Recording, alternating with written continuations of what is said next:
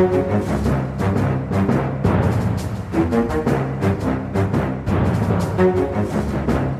da er vi i gang med en ny episode av Aftenpodden USA. Jeg heter Kristina Pletten og er kommentator i Aftenposten, heter det? Aftenposten. Jeg eh, sitter her i A55, som er medieelitenes høyborg i Akersgata, og jeg ser på deg, Kjetil Hansen. Du sitter i Washington, og du har jo også vært på sånn medieelitegreie. Eh, Thanksgiving-middag, har ikke du det? Jo, det har det. Eh, Det er betryggende å høre at du vet eh, hva den heter, avisen du jobber i. ja, Jeg glemmer det av og til. Av og til sier jeg Aftenpodden når jeg skulle sagt Aftenposten. Ikke sant? Ja, det er riktig. Vi hadde, det har vært thanksgiving her forrige uke. Det, det var egentlig ganske mm, dominerende for uken. Mhm. Uh, og, og vi hadde besøk eh, fra Norge, og vi ble invitert uh, på, på som du sier, uh, eh, elitehøytid. Eh, vi var hos NRKs korrespondent, som disket opp med en typ ti kilos kalkun. Og Tove Bjørgaas. Tove Bjørgaas. Ja. Og alle tenkelige, mulige, fantastiske tilbehør. Så, så det var ytterst hyggelig, ja. Ja, altså Tove Bjørgaas hun er ikke en Hun er en, en bra kokk, da. Det så voldsomt Det er er kjempesvær ut, den kalkunen. Jeg så bare bilder av den på Facebook. Ja, det var helt fabelaktig. Ja. Det var helt fabelaktig. Mm. Så bra. Og, og hun krevde lite av sine elitegjester fra Aftenposten. Vi bare tok med vin og kake, så ja. Ja. For de som ikke skjønner ironi, så spøker vi nå litt med med medieelitene som har vært mye i vinden de siste ukene. Du, eh, vi skal jo snakke mer om thanksgiving i dag. eh, Og litt om shopping og litt om presidenter på ferie osv. Men vi skal først bare hoppe litt innom det som har skjedd siden sist. Og der er jo en litt sånn trist nyhet, eh, fordi at en av førstedamene har gått bort. Det er riktig. Eh, Rosalind Carter hun døde riktignok eh, allerede før forrige, forrige pod, gikk hun bort. Eh, men det er altså eh, minnestund nå i dag, eh, den dagen vi sitter og tar opp dette her. Eh, Rosalind Carter hun ble 96 år, og, og var eh, da gift med, med president Jimmy Carter, som, som var president fra 1976 eh, til 1980. Og Jimmy Carter er jo heller ikke sånn veldig, holdt jeg på å si, sprek og Han har vel kreft og det- Han har vært vel... til eh, i sitt hjem eh, på hospice, altså på Mm. sånn siste tiden, men faktisk da siden februar. Ja. Eh, Så barnebarnet Jason Carter, som er den som uttaler seg for familien, han trodde jo at eh, bestefaren skulle gå bort eh, allerede i februar-mars. Men eh, Jimmy Carter er nå 99 år og den eh, lengstlevende president eh, noen gang. Ja. Det hjalp kanskje at han bare satt i fire år, og ikke fikk så slite seg helt ut. Det kan hende. Du, eh, en ting jeg har lagt merke til, eh, ikke bare siden sist, men egentlig de siste ukene, er at det er mye snakk om disse gruppene som protesterer på vegne av palestinernes rettigheter i USA. Og jeg ser spesielt at det løftes opp i litt sånne der alternative høyrevridde medier som Breitbart. Eh, Og eh, det siste som skjedde nå denne uken, var, ifølge Breitbart, var at det kom sånne Palestina-demonstranter og avbrøt en seremoni når de skulle tenne julegranen i Seattle. Og det var jo en sånn drømmescenario for disse her eh, høyremediene, da når de kan blande liksom noe som er litt sånn eh, vestlig tradisjon, jul, og så eh, da masse brune mennesker som kommer og protesterer på vegne av muslimer, tenker jeg var litt sånn eh, eh, Veldig sånn forundringspakke for, for høyrepopulistiske medier, da. Men det jeg legger merke til òg, det er at eh, denne her bevegelsen som nå handler om eh, palestinernes rettigheter, den minner meg litt om Black Lives Matter, og det ser ut som det er en del av de samme hva skal jeg si, mekanismene på gang, da, der det er stort sett minoriteter som er ute og, eh, og eh, demonstrerer, og så er de til dels ganske aggressive. Det har ikke vært noe snakk om noe voldelige protester, så vidt jeg vet ennå, men det har vært litt sånn tilspisset. Eh, hva tenker du, Kjetil, ser det ut som det er noen paralleller her? Absolutt. Og dette skjedde jo også på Nantucket, hvor, hvor president Biden ferierte. Mm. Og hvor han og familien var og så på nettopp julegrantenningen i, i byen eh, på Nantucket. Mm. Eh, og der var det også en, en, gjeng med demonstranter som kom og, og ropte til, til Biden at uh, Joe Biden, you can't hide, you are committing genocide, eller noe i den stilen. Mm. og de, de ropte slagord og hadde plakater og sånt, og da var det jo da en, en representant for byen der som som sa at dette Han respekterte at de hadde ytringsfrihet, men dette var altså en, ikke en politisk tilstelning. Men de fortsatte nå uansett. Men, men, det ble jo fort overdøvet av julesang og sånn, så de var ikke så mange. De er ikke så mange, kanskje, men de eh, lager De gjør mye av seg, og så gjør gjør høyremediene enda mer ut av de enn eh, kanskje det det fortjener, eller det det eh, er grunn til å, å si, da. Så jeg jeg ser for meg at hvis dette fortsetter utover våren, så kan det bli, ha litt av den effekten som Black Lives Matter hadde i valgkampen i 2020, der du får en eh, eh, en sånn strømning som eh, Eller en fremstilling av de fra liksom Fox News og de mediene som går, drar det enda lenger, da, som sier sånn at her er det ekstremister som er ute og egentlig undergraver amerikanske verdier. Mm, ja, får, det var veldig den der enten-eller-dynamikken. Eh, hvilken side vil du stå på? Vil du stå på vår side eller eh, deres side? Ja. Eh, så det har en effekt sånn. Så det ble satt opp sånn er du for jul eller er du for Hamas, liksom. Omtrent. Men eh, vi skal ikke snakke om Hamas i dag, og vi skal heller ikke snakke om jul ennå, for det at det har vært thanksgiving, og som du nevnte, så har Joe Biden vært på ferie på Nantucket. Og først av alt, det er jo sånne eh, stedsnavn som kanskje folk som er interessert i amerikansk politikk, ofte hører. Nantucket, Martha's Vineyard. Kan ikke du forklare, de som ikke vet hvor dette er, hva greien er med, med Nantucket? Nantucket er jo da en øy som ligger utenfor kysten av Massachusetts, eh, nordøst eh, i USA. Mm -hmm. den er sammen med Martha's Vineyard, så er den regnet som en sånn litt fasjonabel ferieøy for liberale, velstående amerikanere.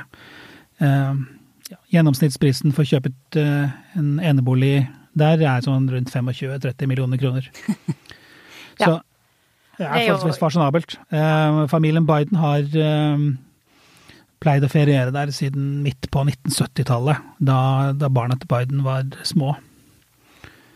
Ja, og det er jo særlig liksom de elitene på venstresiden som bruker dette her, da. Kennedy-familien, Clinton, Obama-familien. Alle de har vel vært og feriert mm. på Nantucket eller i det området. Ja, eller Martha's Vineyard, som sagt, som også er den, mm. den øya ved siden av. Uh, så, så, Biden og de, de har pleid å dra dit, og, og, denne gangen så Eller siden Biden ble president, kan man si, så har de fått låne huset til David Rubenstein Eh, han er da en styrtrik eh, finansmann og filantrop. Eh, det er blant annet han som har lånt ut Magna Carta og uavhengighetserklæringen til amerikanske nasjonalarkivet. Ja, nettopp. Så sånn at dette med eliten og sånt kommer også inn der. ikke sant? Man ser at, at Biden og de, de er liksom Dette er folkene de omgir seg med. Mm. Og det har jo vært en del eh, reaksjoner på at han tok ferie akkurat nå. Det er en gisselsituasjon i Midtøsten. Det, det har vært eh, forhandlinger om våpenhvile. Det, det skjer veldig mye. Og eh, har han fått mye kritikk for at han dro på ferie? Presidentene får alltid mye kritikk når de drar på ferie. Mm. Um, det er liksom sånn det er. Uh, uansett uh, hva som skjer, enten det er uh, gode tider og rolig, så får de kritikk for å dra på ferie. Um, Familien Obama dro jo da til Martha's Vineyard, og, og fikk kjeft for at de dro til sånn fancy sted når folk hadde det tungt i, økonomien sin under finanskrisen. Mm. Og når, det gjelder Biden og han dro til Nantucket, så var det jo en bil som eksploderte på broen eh, fra Canada til USA ved Niagara Falls. Stemmer. Og da var det mange som slo alarm om at det er terrorangrep eh, mot USA ved grensen, og Biden han drar på ferie og passer ikke på. Og viste det jo senere at eh, dette var uh, rett og slett ikke noe terrorangrep. Det var et helt vanlig uh, par fra Buffalo som kjørte over og hadde en ulykke med bilen sin. Um, og, og, han har fått kritikk da fordi at det er uh, forhandlinger med, med, Hamas om gisler, og så drar han på ferie. Ja, og siden vi nevnte Jimmy Carter, så er det jo fristende å dra paralleller til Carter. Han hadde jo også en gisselsituasjon i Iran, eh, der det eh, ble veldig, veldig, veldig sterkt politisk trøkk eh, for å få frigitt disse gislene, og det var masse politisk kaos, får vi vel kalle det, rundt hele den situasjonen. Og var vel en av de tingene som til slutt var med å felle Carter og gjøre at han bare fikk en periode. Men Biden har jo fått et slags gjennomslag, får vi nå si da. Han har jo vært med på å fremforhandle både denne våpenhvilen og å få løslatt disse gislene. Men, men, er det sånn at det ikke er nok, eller hva er det folk klager på? Det de klager på, er at uh, det er veldig få amerikanske gisler som blir løslatt. Uh, så Donald Trump sier jo at uh, dette er ikke som da jeg var president og Eh, verden hadde respekt for USA. Eh, nå har de ikke noe respekt for oss, og derfor så klarer ikke Biden å få løslatt amerikanske gisler. Det er der kritikken går, da. Mm. Og han har jo, men han, som du sier, han har jo også fra Nantucket deltatt i dette, og han hadde masse samtaler med ledere i, i Midtøsten og, og, sin egen stab eh, mens han var på Nantucket. Mm. Og hvor mange amerikanske gisler er det nå som, eh, som er løslatt, og hvor mange sitter igjen? Er det rundt 30 som er amerikanske statsborgere? Jeg lurer på om det er 9-10 fortsatt eh, som er gisler. Mm. Det er jo folk fra mange land som kanskje har eh, familie eller røtter i Israel, eh, som sitter som gisler. Det er også et mye folk fra Thailand, faktisk, som har vært en, en ganske stor del av de som er eh, løslatt nå. Men er dette en sak som fortsatt eh, griper amerikanerne, og som dominerer nyhetsbildet i uke etter uke, sånn som det har gjort eh, siden 7. oktober? Det er ikke riktig så intenst eh, som kort tid etterpå eh, angrepet fra Hamas 7. oktober. Mm. Eh, men det er fortsatt ganske mye, i hvert fall på nyhetskanalene som jeg har stående på, så, så går dette jevnt og trutt, eh, mm. krigen mot Hamas. Mm.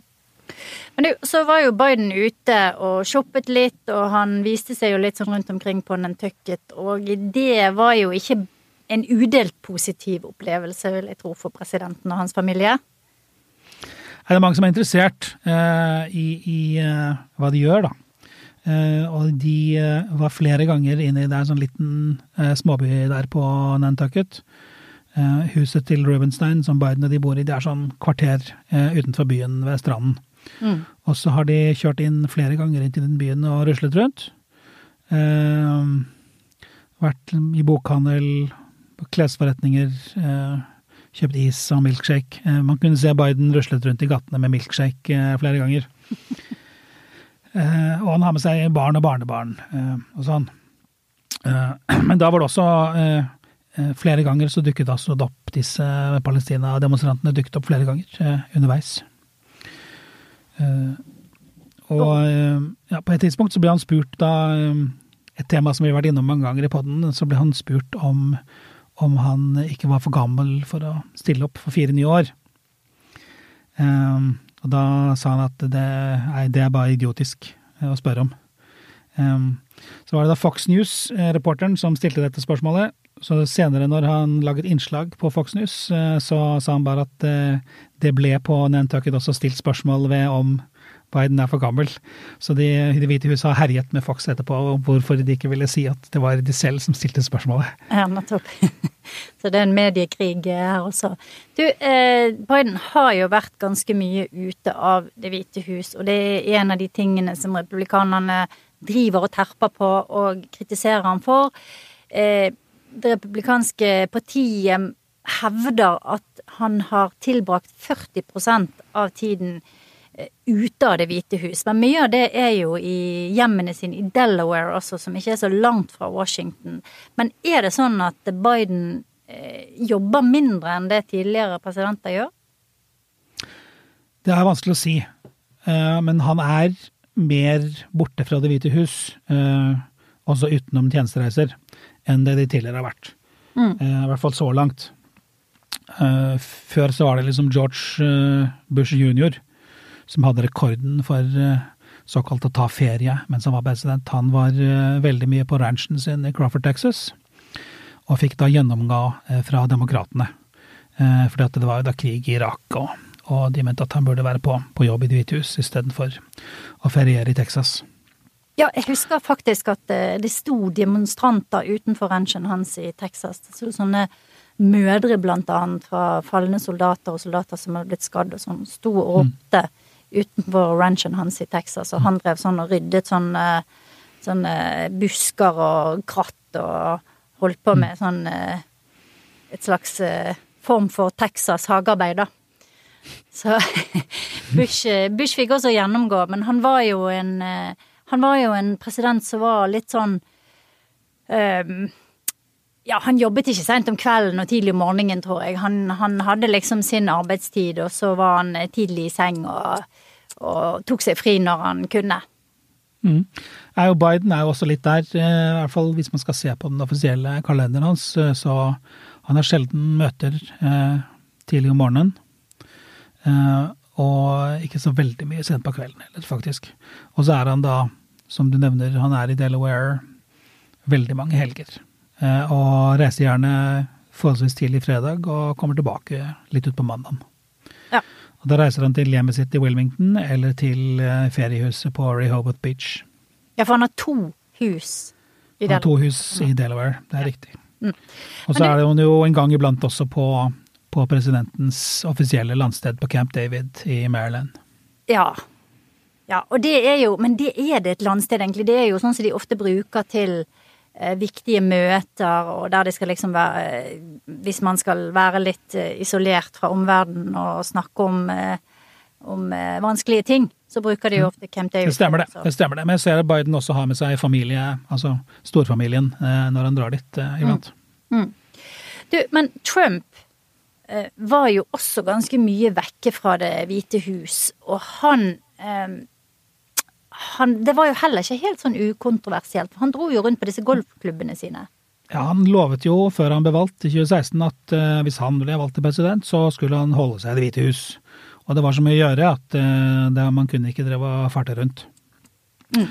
Men så ble han president, da, og, og, og var jo veldig mye i Florida, på Mar-a-Lago, hvor han har en golfklubb rett ved siden av. Og så var han mye i Bedminster, New Jersey, hvor han også har en sånn stor uh, golfklubb. Mm.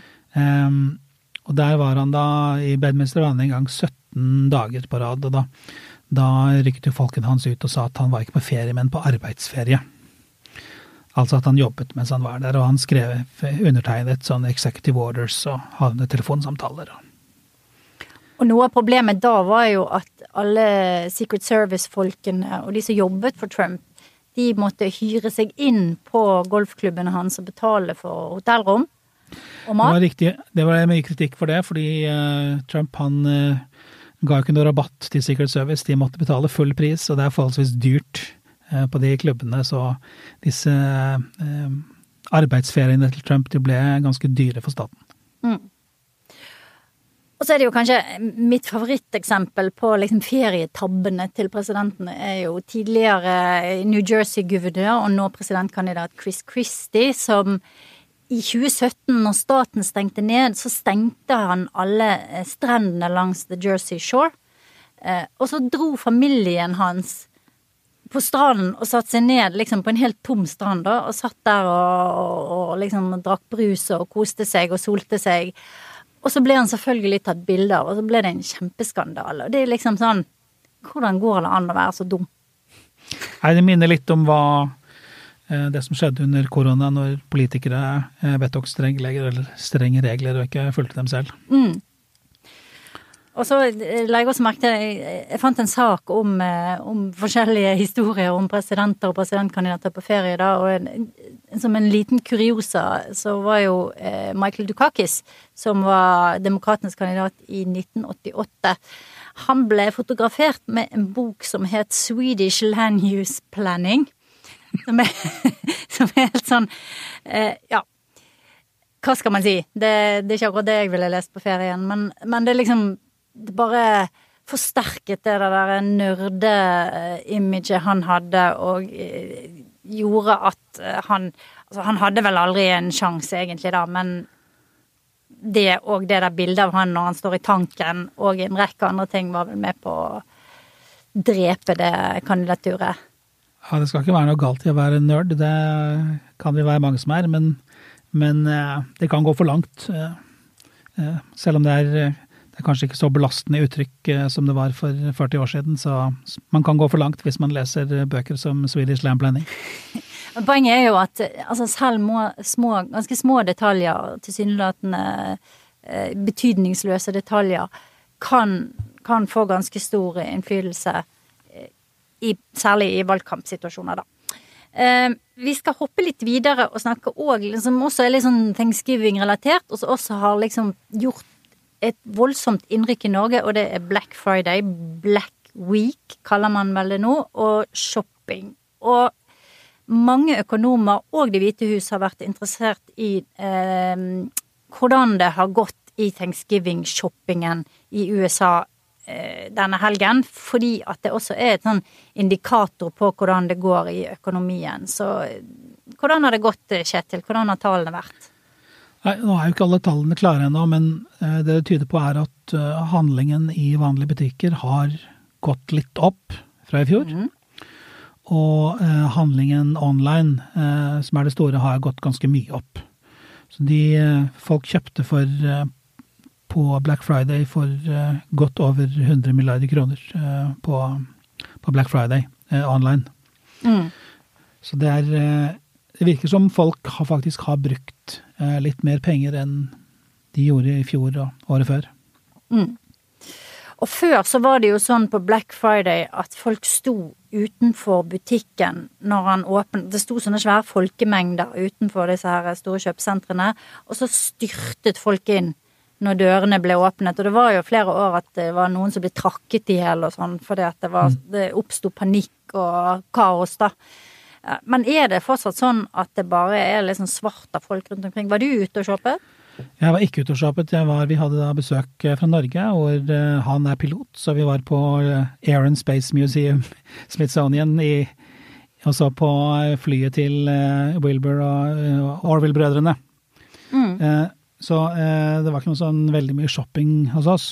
når det gjelder ute der, jeg har ikke sett de der bildene som man har sett noen ganger før, med liksom gale folk som tramper over hverandre for å finne den billige TV-en eller kjøleskapet. Eh, eh, det har jeg ikke sett, men det var mye folk. Jeg har sett rapporter ellers om at, om at det liksom tok 25 eh, minutter å finne parkeringsplass, og, og, og det var liksom svart folk på, på kjøpesentrene. Så, så, det har vært godt besøkt også i de vanlige fysiske forretninger. Har vært godt besøkt, altså. Ja. Jeg har lyst til å svinge litt innom dette temaet fordi at der er jo en sånn rar ting som har skjedd i amerikansk økonomi, som også kan bli ganske toneangivende for valgkampen neste år. Og det er at selv om det har vært noen ting som har vært ganske shaky i økonomien, det har vært høy inflasjon, blant annet, som vi også kjenner fra Norge da, så har folk hatt ganske god råd, og de har fortsatt å shoppe, og de har sagt at de kommer til å kjøpe mer. Så til tross for at man har økt renten mange ganger, eh, og til tross for at man har klart å presse inflasjonen ned igjen nå i snart rundt 3 tror jeg han ligger nå, så har ikke USA opplevd det som nesten alltid skjer når man må ta sånne grep, og det er at økonomien går inn i en resesjon. Det vil si at økonomien begynner å krympe istedenfor å vokse. Hvis du går seks måneder tilbake i tid, så sa de aller fleste økonomer at det kommer en resesjon. Nå snakker de om at det kanskje er noe som de kaller for en soft landing, en myk landing. At man har klart å presse inflasjonen ned uten å liksom gå over i andre grøften, sånn at det begynner å krympe. Det er egentlig en ganske Det er ganske godt, godt gjort, og ifølge Wall Street Journal så er det første gangen på 80 år, eller i hvert fall så lenge de har tall som er 80 år tilbake, da, at man har klart å gjøre noe sånt. Men dette får Biden og Biden-regjeringen veldig lite kred for, Kjetil. Hvorfor det? Vi ser jo på målingene, som du sier, at, eh, at eh, når folk blir spurt om økonomien går godt, så svarer de nei. Mm. Når de blir spurt om Biden håndterer økonomien på en god måte, så svarer de nei. Men så når de blir spurt om liksom, har, eh, har du bedre økonomi, er du trygg for din egen fremtid, ikke sant, så er svaret ja. Ja. Så det er en slags misoppfatning her om, mellom hvordan folk opplever at de har det, og, og, hvordan de ser at eh, landet har det. Det kan være at det er bare en treghet i systemet her. Eh, når folk nå brukte eh, masse penger på eh, Black Week, Black Friday, så tilskrives det rett og slett den, den sysselsettingen som er veldig høy. Mm. Folk har jobb, og de er ikke redde for å miste den eller ikke få en ny jobb hvis de skulle trenge det. Mm. Eh, sånn at eh, arbeidsledigheten, eh, sysselsettingen, står veldig godt.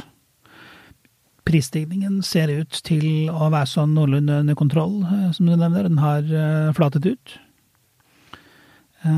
Og også lønningene har gått opp. Vi så blant annet etter disse streikene i altså bilarbeiderne, hvor mye de fikk. Eh, sånn at eh, lønningene ser ut til å stige greit. Eh, det som fortsatt er problemet, er at prisene steg veldig mye en stund. Opp i 7-8% var prisstigningen, som er ganske drøyt, i hvert fall i nyere historie. Og de tingene koster jo akkurat like mye nå som etter det. De har ikke gått ned igjen. Sånn at det koster akkurat like mye å spise ute på restaurant eller eh, eh kjøpe bananer og Asin. epler og eh, kyllingvinger på, på butikken. Mm. Eh, sånn at folk merker det har etablert seg et nytt prisnivå, og folk er ikke blitt vant til det og syns at alt er veldig dyrt. Men kanskje det som egentlig skjer da, er at eh, alt er justert oppover. Altså lønningene mm. er justert oppover prisene er justert oppover. Og kanskje hvis, hvis man skal se på det med liksom rosenrøde Biden-briller, da, så vil kanskje det som skjer etter hvert, være at prisene går litt ned igjen, mens lønningene vil neppe synke. sant? De vil mm. kanskje ikke stige i, i, like hurtig takt som de har gjort det nå. Det, det, det, ser jo ut som det er i ferd med å avta. Men likevel så er det utrolig mange yrkesgrupper som har fått et ganske så kraftig eh, lønnshopp, da. I tillegg til at de kanskje har fått eh, utvidede goder, som eksempel mer fri når de får barn eller er syke eller må ta vare på andre. Um, barnehageplass, sånne ting som, som stadig flere bedrifter i USA gir, da. Så kan hende at dette er en del av en større omlegning der flere folk egentlig på litt sikt vil få det økonomisk bedre. Men spørsmålet er jo klarer Biden og Biden-regjeringen å ta æren for det? Får de noe av æren? Eller blir det liksom den neste presidenten da som kan sole seg i, i det eventuelle skinnet som en, som en bedret økonomi for mange i lavere middelklasse, er det vel særlig, da, vil få? Ja, og Det er jo spørsmålet hvor, hvor, fort blir man vant til dette? ikke sant? Er man sånn sure, gretne gamle gubber som meg, som syns at uh, bukser skal ikke koste 1000 kroner? sant? Ja. Så, uh, så spørsmålet er hvor fort blir man vant til det, rett og slett. Ja, det er et godt poeng.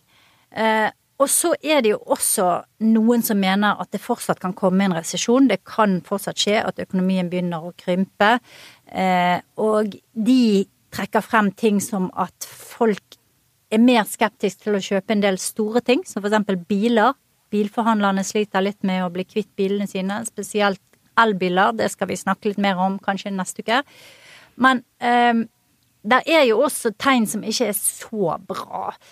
Men summa summarum, eh, Kjetil, så tenker jeg at i hvert fall sånn som det ser ut nå, da, hvis ikke inflasjonen begynner å gå opp igjen, så er det ganske ser det ganske bra ut for Biden, sånn hvis man tenker et halvt år, syv-åtte måneder frem i tid? Ja, og så spørsmålet er jo altså, disse store tallene, det sier jo da økonomene, ser ganske bra ut. Eh, så spørsmålet er jo da om vil folk også oppleve at det er slik eh, før det er valg? Ja. Så det blir sånn kamp, om, kamp mot klokken her. Det blir en kamp mot klokken. Og så er det jo kanskje én ting som kan bety noe, er jo f.eks. pris på medisin, da. At det er eh, mange folk som har mye mindre utlegg på medisiner som de trenger jevnlig enn det var før, f.eks. insulin.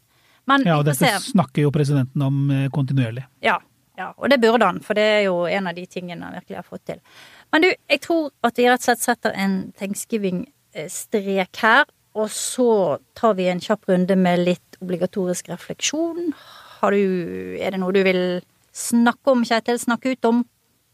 Men snakke ut om vet jeg ikke helt, men, men jeg tror jeg skal eh, tenke fortsatt på Rosalind Carter, som det er uh, minnestund ja. for i dag, og, og, privat begravelse hjemme i Plains, Georgia i morgen. Mm. Altså på onsdag. Eh, og da tenker jeg skulle anbefale en artikkel fra Aftenposten fra 2018. Ja. Dette var en artikkel som, som, ble oversatt fra The Washington Post. Vi har jo en avtale med, med dem. Eh, hvor vi, de var eh, over lang tid i Plains, Georgia, sammen med Jimmy og Rosalind Carter, og beskrev eh, livet deres i, som pensjonert presidentpar. Og den kan man finne hvis man bare googler med Rosalind Carter Aftenposten, så dukker den opp øverst. Og det handler om presidentens liv nå, hvor de har restemat i kjølebagen. Jeg eh. husker veldig godt den, eh, den artikkelen. Den er veldig god. Vi kan også legge den ut i gruppen vår. Det kan vi gjøre. Det var en veldig god artikkel, og veldig sånn eh, I øyeblikket 2018 var den veldig talende fordi i Det hvite hus så satt en president som var opptatt av sin materielle velstand og å fortelle om den. Mm. Mens at Jimmy Carter er på en måte en helt motsatt type. Og ruslet nå rundt der og, og, drakk den billigste rødvin, ett glass hver lørdag kveld, den billigste rødvinen i papp eh, fra, fra vinutsalget. Du, dette er en fin overgang til min eh, OR. Og så bare, bare lite apropos, så var uh, Vi tok ut noen tall her på ferier og presidenter. Jimmy Carter er den som har tatt suverent minst ferie mens han var president. Han tok altså ut 79 dager på fire år. Men apropos drikking av vin så eh, tenkte jeg at min, eh, min ord denne uken skal være en helseanbefaling. Fordi at jeg har altså siden sommerferien hatt tre hvite måneder uten alkohol i det hele tatt. Det har jeg vel ikke gjort uh, i det hele tatt i min I hvert fall ikke siden jeg ble voksen, da. Men, men, det har vært veldig interessant. Og blant annet når jeg var og besøkte deg i Washington, så var jeg jo en sånn kjedelig gjest som bare satt og drakk vann på restaurant. Mm, sånn kan det gå. Sånn kan det gå. Eh, men eh, det har vært interessant. Jeg kan bare anbefale de som orker og gidder. Det er litt sånn, det er litt kjedelig. Du blir litt kjedelig fordi at du, du sitter og er edru på fest og alt mulig, og folk, folk blir litt skeptiske til deg. Men det har vært veldig spennende å merke hvordan, eh, hvordan det påvirker kroppen. Hvordan det påvirker søvnen spesielt, da at jeg sover på en helt annen måte og trenger mindre søvn. Og er mye mer uthvilt når jeg våkner, er mye mer konsentrert. Nå høres det ut som jeg har vært en skikkelig alkis, det har jeg ikke. Men det har, eh, det har i hvert fall vært eh, interessant, og det er jo mange som tar én hvit måned. Men, men eh, å ta liksom en litt sånn lengre periode, jeg kan virkelig anbefale det. Nå kommer sånn julefeiring, og nå er det julebord og alt mulig. Men sånn fra januar til mars, for eksempel, jeg har sett at uh, de norske kostholdsrådene, nå er det diskusjon om alkoholdrikking uh, og sånt, så det er ikke en diskusjon jeg har tenkt å blande meg inn i, det blir. Nei. Du, men eh, det er i hvert fall Jeg kan i hvert fall anbefale det for de som har lyst å prøve det. Så tror jeg at vi setter strek der. Eh, og så er vi tilbake neste uke. Takk for nå.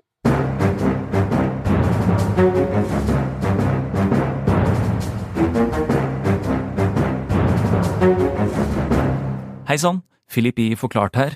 Jeg vil bare kort fortelle deg at podkasten Forklart ja, den hjelper deg å følge med på det som skjer i verden. Hver dag forklarer vi én viktig nyhet på 15 minutter. Forklart er helt gratis, og du kan høre på oss der du pleier å høre på podkast.